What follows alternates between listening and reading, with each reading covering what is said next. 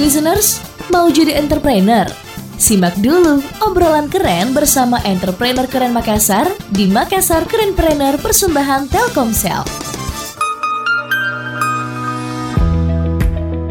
Ini dia Makassar 96 FM 100% Musik Indonesia. E Listener, Sirsa Ivana balik lagi nemenin Anda Dengan tamu yang akan menginspirasi kita semua ya hari ini. Assalamualaikum, selamat pagi Kak Febian. Waalaikumsalam, selamat pagi. Nah, Makassar Keren Planner hari ini ditemenin sama Kak Febian Owner Yapai. Yes e listeners kalau suka roti bakar terus Anda nggak pernah coba Yapai Kayaknya belum afdol rasanya ya Kak Febian Iya. Langsung aja deh. Saya penasaran banget soalnya. Jadi kan uh, kalau lihat Yapai itu nggak sekedar roti bakar ya kalau menurut saya pribadi karena ya. apa sih packagingnya tuh lucu packagingnya, banget. Packaging. Iya gak sih? Betul betul. Kenapa? Boleh cerita nggak alasan dibalik okay. packaging unyunya itu?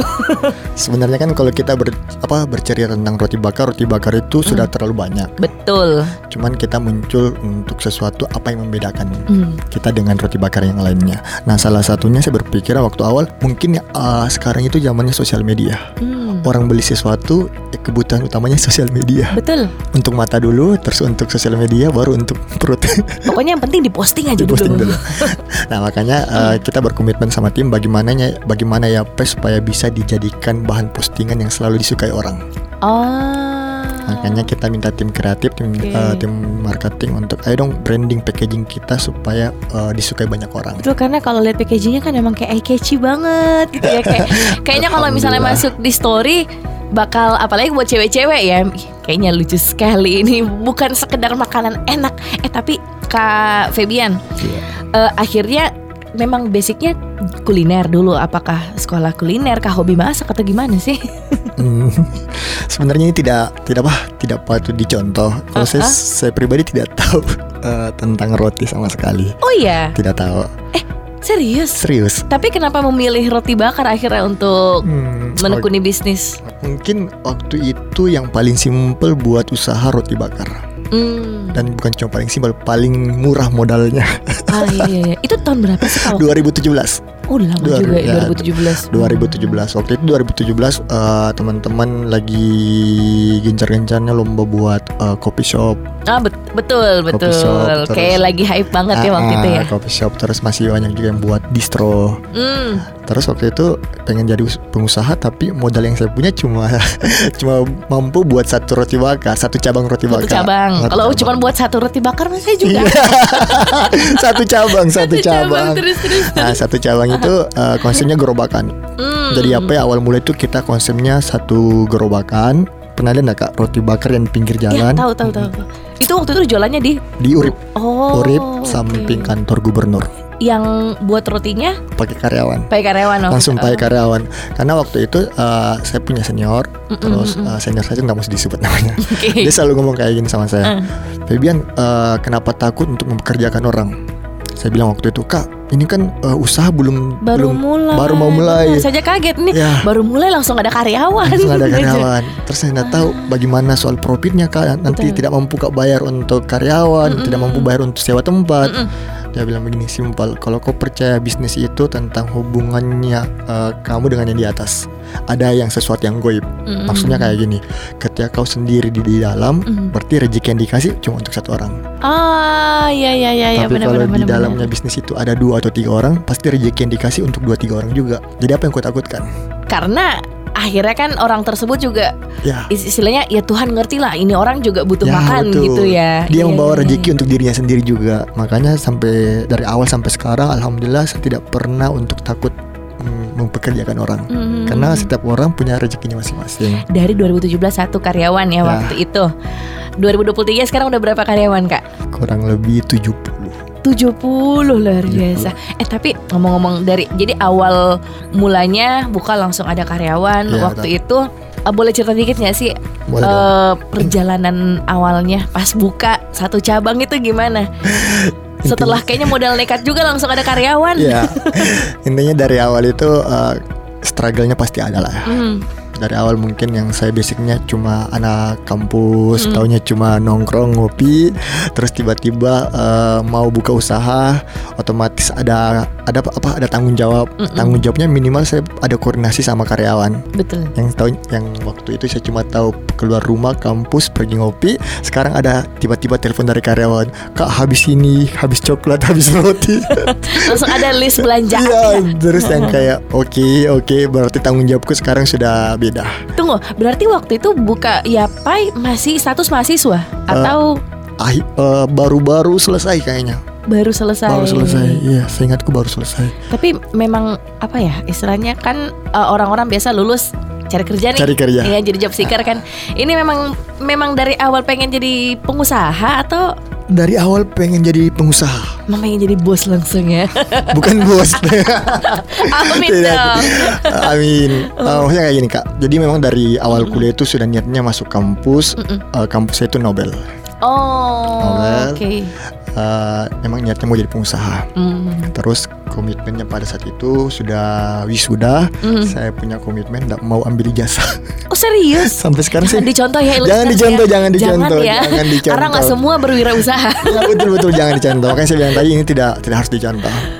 Ini eh, masalah komitmen saya pribadi. betul betul. Saya berjanji sama diri saya sendiri untuk eh, saya tidak mau ambil jasa supaya saya bisa betul-betul serius bagaimana caranya menciptakan usaha sendiri, bisa serius, Mhm. bisa komitmen untuk bertahan lah sampai Mhm. sekarang alhamdulillah seperti itu. Alhamdulillahnya Kak Febian ini walaupun sekali lagi tidak untuk dicontoh, Tidak untuk dicontoh. pengambilan ijazahnya ya, tapi untuk wirausahanya harus dicontoh, Iya. listeners. Karena dia lulus bukan nyari kerja tapi buka lapangan kerja Ya, loh, betul. langsung minimal waktu itu untuk satu orang itu. Dua orang. Dua orang. wow, Dua orang maksudnya. dua orang langsung Dua yang orang. jaga di Urip, Urip. waktu itu pertama Cabang kali. pertama ya Pak. cabang pertama Yapai. Nah, setelah cabang pertama itu langsung akan ada cab berapa cabang sih sekarang? Sekarang menuju 16. Menuju 16. Pantesan ya kayaknya ke mana-mana ada aja ya. amin amin. Tapi enak sih karena Anda bisa gampang banget dapat. Tapi itu dari cabang pertama ke cabang kedua dan seterusnya sampai ke 16 itu jarak jarak openingnya eh, Oke. itu jauh nggak sih? Lumayan, lumayan, Lumayan ya? jauh, lumayan jauh. Kalau saya ditanya kan tidak, tidak, ingat. Karena betul-betul eh, Yape itu sampai sekarang kita, kita berorganik. Maksudnya organik itu kita buka dari satu cabang, Mm-mm. terus ada keuntungan, kita buka cabang kedua, terus cabang kedua, terus keuntungannya belum cukup, ya sudah kita santai-santai istilahnya untuk oh belum mampu untuk buat cabang ketiga, ya sudah kita nikmati.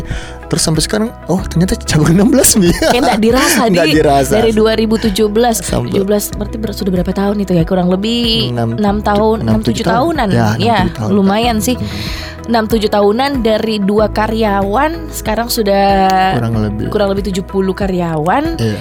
Em, pengen ini nggak sih maksudnya kan ada roti bakar nih Roti bakar. bakal ada menu-menu lain nggak sih kan biasanya kayak gitu Iya. orang wah ada menu baru nih ini dan Betul. itu gimana Nah kalau sekarang itu kita memang eh, inovasinya bukan cuma roti bakar. Kita sekarang eh, dari konsep gerbakan, terus kita konsep store. Store itu yang kayak eh, ada minumannya kak. Oh gitu Nah, jadi konsep oke. store itu bukan gerobakan lagi, tapi semacam toko-toko apa ya, toko yang kecil. Uh-uh. Terus di, tempat itu kita bisa untuk buat minuman. Kayak ada outletnya lagi ya gitu gitu. Nah sekarang di AP itu kita eh, ada minuman yang kayak green tea, Thai Uh, tea, uh, uh, uh. sunrise. Bahkan kita sebenarnya ada roti manis juga kak oh gitu roti manis jadi untuk pesanan yang kayak seminar atau Mhm. acara-acara di rumah kita boleh PO di Yapai untuk pesan roti manis yang kayak roti manis pada umumnya. oh Jadi Yapai sebenarnya itu bukan cuma roti bakar, kita sudah ada roti manis, minuman. Tapi saya penasaran nih Kak Febian kan awalnya tadi udah nekat nih pertama Nekat. iya. Jangan dicontoh.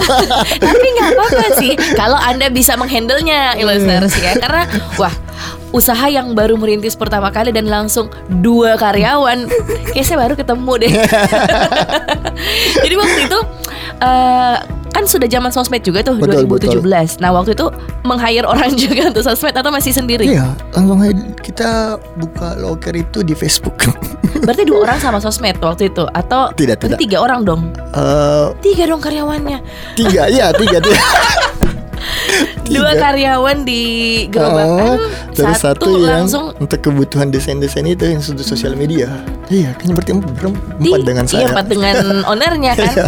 Tapi waktu itu maksudnya, aduh, ada ada ini enggak sih? Ada tantangan tersendirinya nggak sih langsung tiga karyawan kayak gitu? Paling tantangannya eh, lebih ke diri sendiri sih kak. Maksudnya Hmm. lebih ke diri sendiri kayak gini. Eh, ada masa di waktu yang saya yang kayak panik sendiri, Mhm. yang kayak bagaimana kalau tidak cukup ini. Iya, mau gaji mereka Ah, gimana? ah. Gimana caranya waktu itu Kak Febian menangani? Mungkin salah satu penentunya kalau saya boleh sharing adalah circle.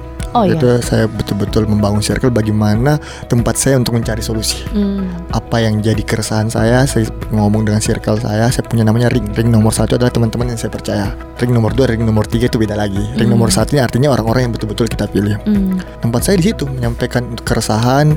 Jadi kita bertukar pikiran, diskusi. Akhirnya, oh ternyata keresahan saya sendiri bisa diatasi Hmm. dibuatkan planning untuk oh begini solusinya Feb. Hmm. Jadi kalau misalkan satu bulan dari sekarang eh, pemasukannya tidak cukup, saya sudah ada planning B.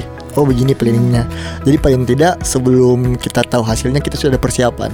Oke, Eh, tapi ada ini nggak sih maksudnya ada tips nggak sih buat buat buat e-listeners mungkin yang baru mau memulai usaha Iya. gitu ya. Eh, Secara teknis mungkin kalau eh, Kak Febian mau jelasin dikit gitu. Mhm. Eh, ini kan jujur saya agak shock ya karena langsung tiga karyawan gitu kan.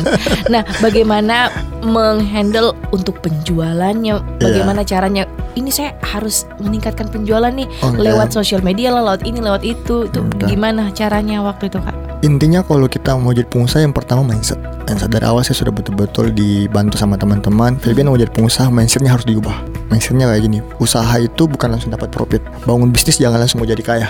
Guys. Bangun langsung bisnis langsung jangan langsung mau dapat keuntungan setiap tutup buku bukan. Tapi bagaimana caranya sistem bisnismu ini bisa dibangunkan sistem, Hmm. bisa diperbaiki produknya, bisa Hmm. dicari value-value apa yang ada yang bisa ada dalam bisnis kamu. Hmm. Karena di pada saat itu ditanya, ini kan roti bakar, sementara di tempat lain banyak roti bakar. Betul. Artinya PR yang pertama buat saya, apa value yang mau kamu bangunkan di apa yang kamu mau masukkan di usaha kamu? Hmm. Itu yang pertama. Jadi kita, saya waktu itu PR-nya, saya cari apa value yang mau saya ciptakan di apa? Salah satunya packagingnya. Bagaimana kita bisa ciptakan packaging yang beda dari yang lain? Yes. Karena kalau misalnya kita muncul dengan sesuatu yang tidak ada bedanya dengan yang lain, Hmm. ngapain? Ya karena roti bakar kan banyak loh. Pada saat di- itu banyak oh, banyak. Pada saat itu cuma pakai ini kak rata-rata kertas. kertas bener. Ah, kertas warna ah, coklat ah. itu. Mm-mm. Nah, terus uh, saya punya senior ngomong kayak gini, apa value yang mau kau bangun dari usahamu? Itu yang pertama. Terus yang kedua, bagaimana cara penjualan? Nah, cara penjualan itu dia saya belajar. Oh ternyata ada sosial media. Mhm. Meskipun saya tidak terlalu paham digital marketing, saya tidak tahu masalah marketing, tapi paling tidak saya bisa melihat oh ada semacam wadah untuk kita bisa menjual Yes. sosial media, kita Hmm. bisa memperkenalkan. Jadi uh, saya cuma mengandalkan di situ sih kak, mencari value-value apa yang bisa dimasukkan di usahanya kita. Itu yang paling penting sih Itu yang paling kayaknya ya. penting. Artinya memang ada apa sih istilahnya ada branding image-nya di Branding. branding produknya lah Branding begitu ya. produknya. Jadi kayak kalau misal kita beli roti bakar nih listeners, tapi kalau ngomongnya apa ya udah langsung tahu aja karena dari Packagingnya. gambarnya. Iya, dari packaging itu kan Iya. udah ketahuan. Nah, nama Yapai itu Nama dari mana? Oke oke, ini juga uh, lumayan seru mungkin kalau saya bahas. Jadi dari dulu itu sampai sekarang ketika orang baru dengar Yape selalu bilang kayak gini, ini brand Thailand. oh iya, kampung hal. Iya kan ya apa? Ini dari Thailand bukan? Atau dikira oh ini uh, brand franchise dari Jakarta bukan? Tapi emang kelihatannya kayak franchise sih. Iya. Awalnya saya juga ngira franchise. Uh, uh, Karena kayak semacam kayak dari luar apa ya kak? Nggak, nggak ada ciri-ciri Makassarnya ya. Betul. Padahal Yapa itu sebenarnya cuma singkatan. Oh. Yap, sayap, pai, payung. Yap, Sayap, sayap. pai, oh, payung. ya, ya ampun. Yapnya itu sayap, Sayap. painya itu payung. payung. Kok ini korelasi antara payung sama sayap? Payungnya Ada. bersayap Ya, atau? kebetulan waktu kecil uh, dua uh, kata ini sekaligus bentuk yang saya sering gambar uh, semacam favorit saya waktu kecil. Oh, saya suka gambar sayap, sayap. saya suka gambar payung. Uh-uh. Kalau bukan menggambar, saya suka lihat sayap, saya suka lihat payung. Agak aneh memang Agak orang ini ya. Suka sayap. Karena ini ya, uh, payung itu punya filosofi yang saya makna dari kecil. Mm. Bisa kita jadikan melindungi kita Pelindung dari ya. air hujan, Benar, melindungi kita dari panas, benar. intinya Dalam segala situasi kayaknya dia bisa melindungi, melindungi, banget ya. menaungi. Nah, terus sayap kan kalau sayap bisa terbang, kita mau Hmm. terbang tinggi yang ada waktu kecil, kok mau mau terbang Iya benar benar benar benar benar benar. Maksudnya kalau diartikan saya mau dirikan YP ini bagaimana bisa menjadi sayap, bisa menjadi payung untuk orang banyak, bisa menaungi orang banyak. Yes. Kalau diartikan bisa untuk kerjakan, menciptakan lapangan kerja. Betul. Makanya setiap ada struggle, saya lihat YP, dengar YP, sudah kita kan ini mau jadi payung untuk orang banyak. Kita jadi payung dan kita bakal terbang, Terbang tinggi. tinggi. Brandnya amin, amin, Amin. ya Tuhan. Eh terakhir Kak Febian, buat teman-teman di luar sana buat e-listeners nih yang baru mau memulai usahanya ada tips and trick untuk mengatasi ketakutan gak sih karena jujur kan orang Hmm. kalau mau bangun usaha yang paling pertama eh, jadi kendala itu diri sendiri sebetulnya Betul, ya sih itu gimana sih cara melawan ketakutan untuk memulainya itu kak Oke, kalau saya sih selalu bilang kayak gini, untuk teman-teman mau jadi pengusaha yang pertama yang harus perbaiki mindset. Mindsetnya harus lagi-lagi itu ya mindset harus diperbaiki. Kenapa? Rata-rata orang mau jadi pengusaha karena cuma melihat dari manis-manisnya saja. Iya. Orang lihat dia dia kayak kita takut aja kalau tiba-tiba rugi Nah, padahal yang sebenarnya harus bagus itu mindsetnya kita. Kalau betul-betul mindset kita sudah dipersiapkan, kita maju di bisnis, jadi apa pun resikonya, apa pun tantangannya, kita sudah bisa betul-betul stay, bisa Hmm. bertahan. Karena kalau kita tidak bertahan, tidak didampingi mindset yang bagus, kita akan mudah mundur, mudah Yes. untuk ah sudah deh. Tapi kalau mindsetnya kita betul-betul mindset pengusaha, mentalnya kita betul-betul ya sesiap untuk mau jadi pengusaha, Hmm. struggle-struggle apa pun yang datang, kita bisa bertahan. Karena kuncinya di bisnis, kalau saya sampai sekarang satu jika bisa bertahan. bisa ber benar benar benar banget listener saya jujur salah satu konsumen yang sering menandai eh, entah itu cafe shop entah itu cafe entah itu eh, brand FN bisa tuh bakal ngeliat dia kalau udah bertahan 2 tahun tiga tahun Uh-uh. itu udah bakal lama Amin. karena kalau 2-3 tahun ya mungkin tadi ya Iya. karena mindsetnya mungkin belum terbentuk Belum jadi 2-3 tahun mungkin banyak struggle-nya banyak kayaknya banyak masalah Betul. akhirnya banyak loh sebenarnya brand-brand yang sebenarnya oke tapi Oke. akhirnya Nggak bisa bertahan. mana sekarang mereka kayak nggak ada gitu Iya. kan nah alhamdulillahnya karena Yapai sayap dan payung ini bertahan sampai di Bertahan. 2023 dan tahu nggak sih listeners eh, nanti mau buka cabang Di baru Tupai. lagi di Tupai. Tupai. tanggal berapa nanti grand 1 openingnya September. Eh 1 September Besok. wah Nah kebetulan ini Pas. eh, nggak apa-apa ya iklan sedikit. silakan Nah kebetulan eh, ini cabang pertama ya Pai yang kita eh, konsep kayak coffee shop. oh serius Ah. eh berarti kita bisa makan di situ Bisa minum makan di roti situ. di situ, bisa minum di Oh. situ. Karena semua cabangnya Pai itu rata-rata cuma bisa take away. iya benar benar. Nah karena permintaannya dari Yalo, Yalo itu Yape Lovers. wow iya iya iya ada ada ini ya nama nama Ya, fansnya ya Nama, nama konsumennya kita di Yape itu kita sebutnya Yalo. Yalo Yalo ini selalu minta, ayo dong buat tempat atau cabangnya Yape yang bisa makan di tempat atau kita bisa nongkrong ketemu sama Iya, teman-teman. Benar, minimal kita bisa ngobrol-ngobrol di situ kan Iya. sama teman-teman. Iya, iya, iya. Bisa makan roti bakar yang panas langsung di tempat. Oh iya juga sih. Karena kalau udah di rumah kadang agak beda sensasinya ya. pasti beda. ya sudah makanya alhamdulillah kita sempat eh, konsep Hmm. dan besok openingnya. Besok opening itu hari Jumat jalan eh, Tupai nomor 20 ada diskon 50%. Nah, listener, itu diskon 50% untuk yang makan langsung atau untuk take away semuanya. Semuanya. Semua produk mau datang mau makan di tempat mau nginap juga boleh. Silakan kalau Anda mau bantu-bantu kali aja di hire jadi karyawan ya. Ini semua Kak. Tanggal 1 September. September. grand opening untuk yang Di barunya nanti di Jalan Tupai nomor 20 Nomor tadi ya. 20. Dan kalau misalnya Anda mau ngelihat tentang Yapai bisa ke Instagramnya ya, Iya, sosial medianya iya. at Yapai ID. ID. Nah, itu dia. Oke, thank you Kak Febian. Saya masih pengen konsultasi tapi off air aja ya. Saya pengen tahu gimana sih kiat-kiatnya. Ampun, ini pengusaha yang Amin. saya doain ya. Kita Amin. e-listener juga bakal doain semoga ya apa benar-benar bisa sesuai dengan namanya ya. Amin. Sayap amin. dan, Dan payung. payung. Moga-moga benar-benar bisa menaungi banyak orang Amin. dan bisa terbang setinggi mungkin deh kalau Amin, bisa ya. amin, amin, Atau buka amin. cabang di Thailand. Takut. Tahu-tahu nanti di franchise-nya dari Thai di Thailand nanti wah. Amin. Datang ke radio tahu-tahu eh Kak saya udah mau grand opening di mana di Thailand. Thank you sekali lagi Terima kasih, Kak Sama-sama. sukses selalu. Amin. Eh, semoga lancar grand openingnya Amin, amin, besok di amin. tanggal 1 September juga buat e-listeners ingat ya jangan takut seperti yang kata Kak Febian tadi terus eh, harus ubah mindset kita dan ingat kalau misalnya kalian pengen buka uh, apa pengen punya brand ya, brand apa pun itu harus ingat value apa sih yang pengen kalian kasih ke konsumen kalian nanti. Kita ketemu lagi nanti ya di Makassar Keren Planner pastinya dengan narasumber-narasumber inspiratif lainnya Tirsa Ivana pamit tetap di 96 FM i Radio Makassar 100% musik Indonesia. Terima kasih telah menyimak Makassar Keren Planner yang dipersembahkan oleh Telkomsel.